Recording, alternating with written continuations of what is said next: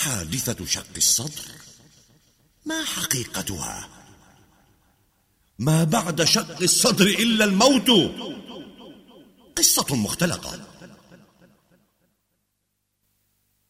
أيها العالم الفاضل من الزائد بل الممل أن تتصدى للرد على جميع النقاط التي فيها غلو ومبالغات في حق محمد.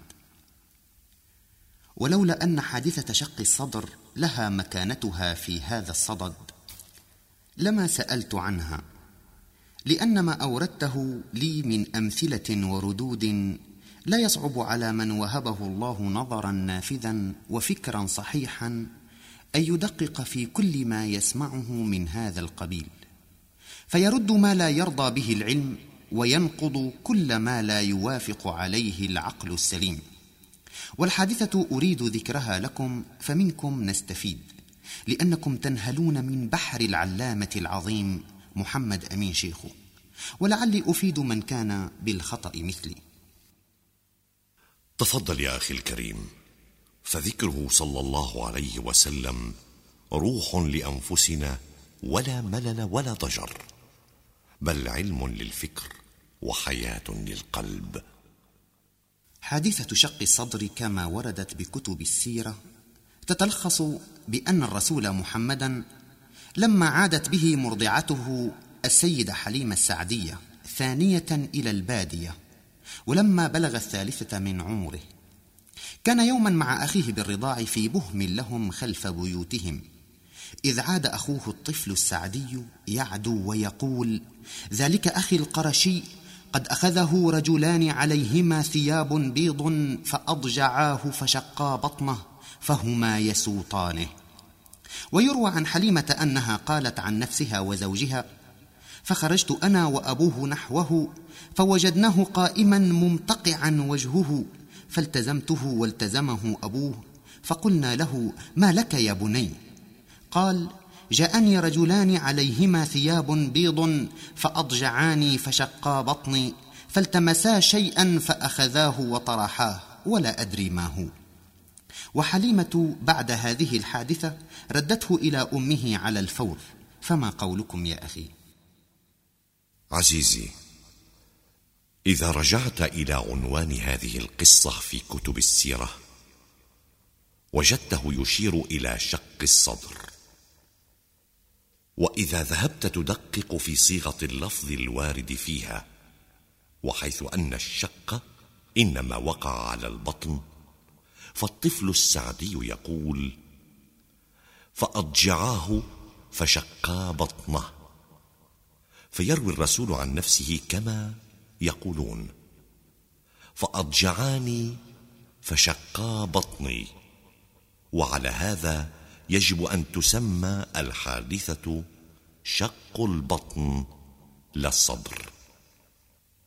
وإذا كان المراد من شق البطن إخراج حظ الشيطان كما جاء في بعض الروايات فالتعبير بكلمة شقا بطني فيه خطأ كبير لأن موضع وسوسة الشيطان هو الصدر.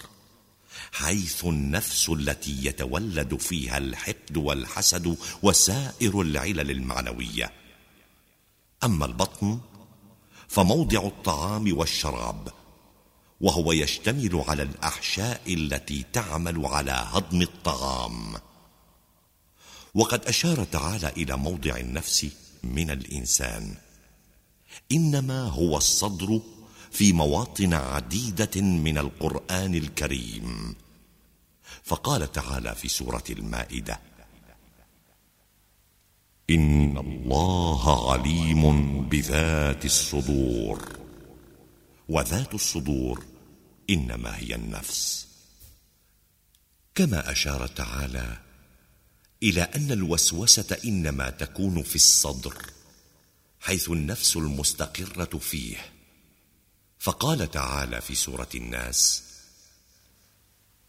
من شر الوسواس الخناس الذي يوسوس في صدور الناس. وهكذا فالتصديق بحادثة شق البطن فيه خروج عن الصواب وتناقض تام وعدم التمييز بين البطن مستقر الأحشاء وموضع الطعام والشراب وبين الصدر مستقر النفس التي تنشأ فيها العلل المعنوية كالغل والحسد. وبما أن معرفة هذه الفروق لا تخفى على أبسط الناس علما وأدناهم معرفة ففيها الضلال البين وعدم التقدير لرسول الله صلى الله عليه وسلم نسبة هذه الأقوال الخاطئة له. اذا فهذه القصة لا أصل لها ويشهد العلم ببطلانها وتشهد معرفة رسول الله العالية بكذبها وافترائها عليه. إن الدسوس وإن صيغت قوالبها ترمي إلى الطعن والتشكيك بالرسل. منها رواية شق الصدر قد وردت في صيغة اللفظ شق البطن في الجمل. القلب في البطن أم في الصدر مركزه؟ عمي القلوب بواد النقص والخطل. العلم يشهد في بطلان ما ذكروا. وأبسط الناس علما يكشف الزلل. أما علمت بأن القلب ذو عمل والنفس تنشأ فيها سائر العلل. سماه أحمد قبل الخلق بارئنا. نال الطهارة قبل الدنيا في الأزل. عفوا. لقد ورد ببعض الروايات أن الحادثة تختلف عما سبق وذكرت لكم.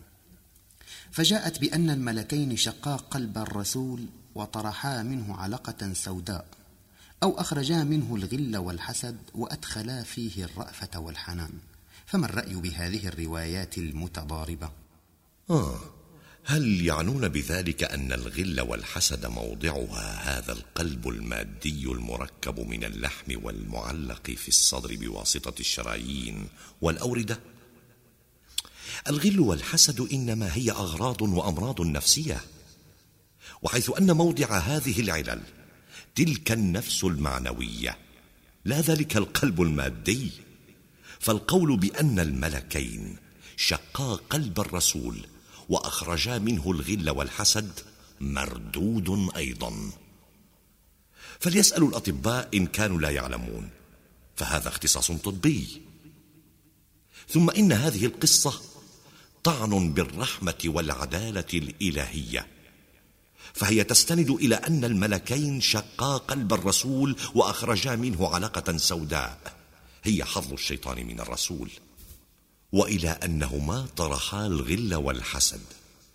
فيا ترى من الذي خلق هذه العلقة السوداء والغل والحسد في قلب الإنسان حتى جاء الملكان وشقا قلب الرسول وطرحا العلقة والغل والحسد؟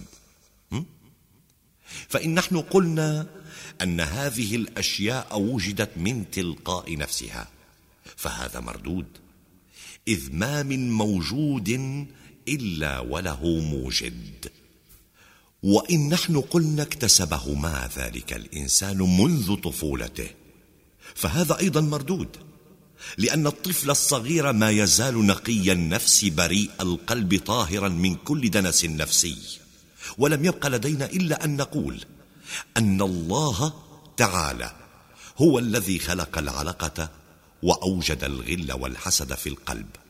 وهذا أيضا مردود لأنه يتنافى مع الرحمة الإلهية لأنه إن ثبت أن الله تعالى خلق علقة سوداء في الإنسان وجعلها سببا في تسلق الشيطان عليه ثم طلب منه بعد ذلك أن يخلص نفسه من الشيطان وفي ذلك ما فيه من الشدة والحرج والتكليف فوق الطاقة والإمكان.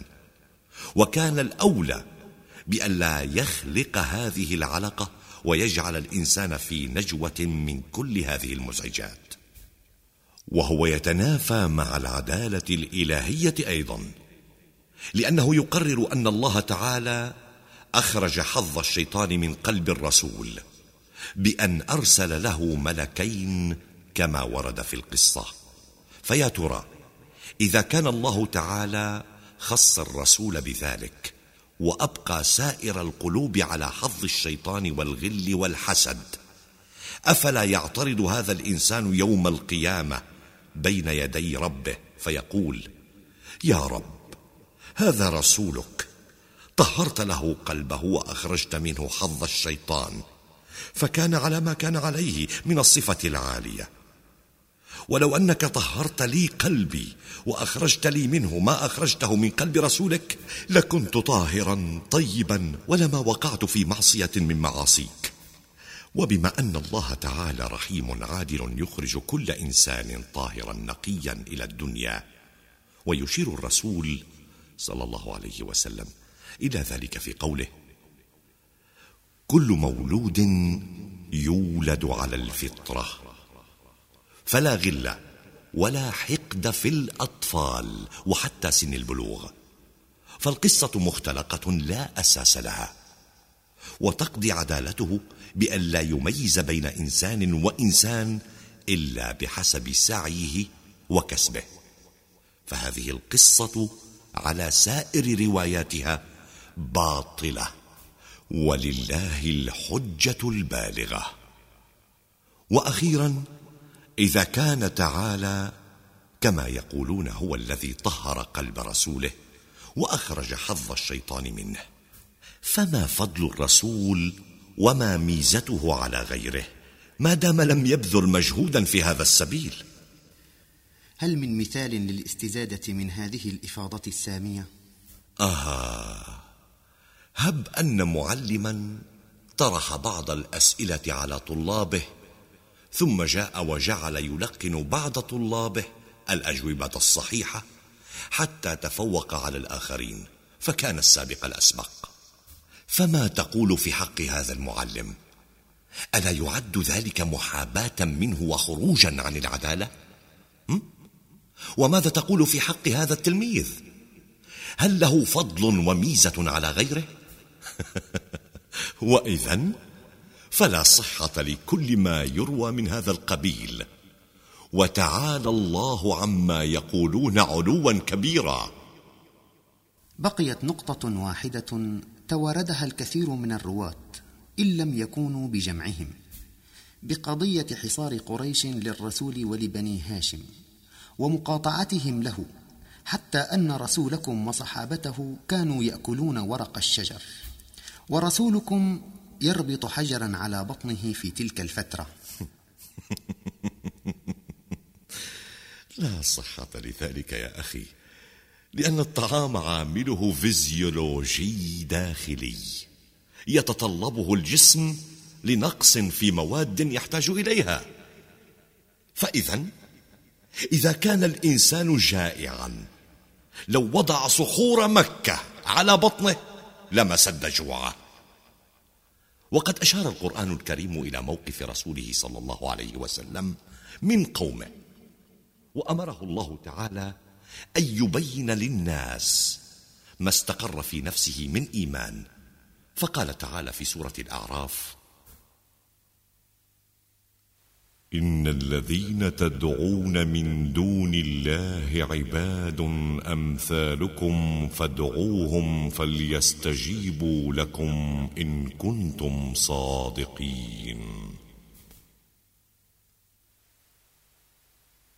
ألهم أرجل يمشون بها أم لهم أيدي يبطشون بها أم لهم أعين يبصرون بها أم لهم آذان يسمعون بها قل ادعوا شركاءكم ثم كيدون فلا تنظرون صدق الله العظيم فكيف أمكن له وهو واحد أن يواجه أمة ويتحداها ويسفه أحلامها الخبيثة بآلهتها من الأصنام بالهزء من سخافتهم بنسب الألوهية لمن لا أعين ولا أسماع ولا أبصار ولا أيد لها بقوله ألهم أرجل يمشون بها أم لهم أيدي يبطشون بها أم لهم أعين يبصرون بها أم لهم آذان يسمعون بها؟ صدق الله العظيم. ثم لما قاموا بالوقوف ضده هدهم هدا. ووقف تجاههم وقوف سيد الأبطال. يتحداهم كما بالآية ادعوا شركاءكم ثم كيدوني فلا تنظرون. صدق الله العظيم. فعجزوا وجبنوا ولم يستطع أحد منهم أن يمسه أو يلمسه لمسا بسوء. والله الخالق العظيم تعهد بحفظه من الناس بقوله تعالى والله يعصمك من الناس. بل خارت عزائمهم وانحلت قواهم وأصابهم الجبن فانعقدت ألسنتهم وهم وهو صلى الله عليه وسلم وجها لوجه.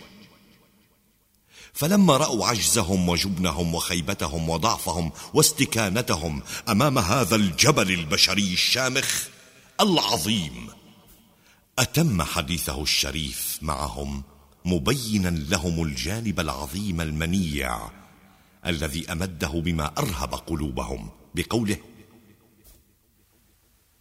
إن وليي الله الذي نزل الكتاب.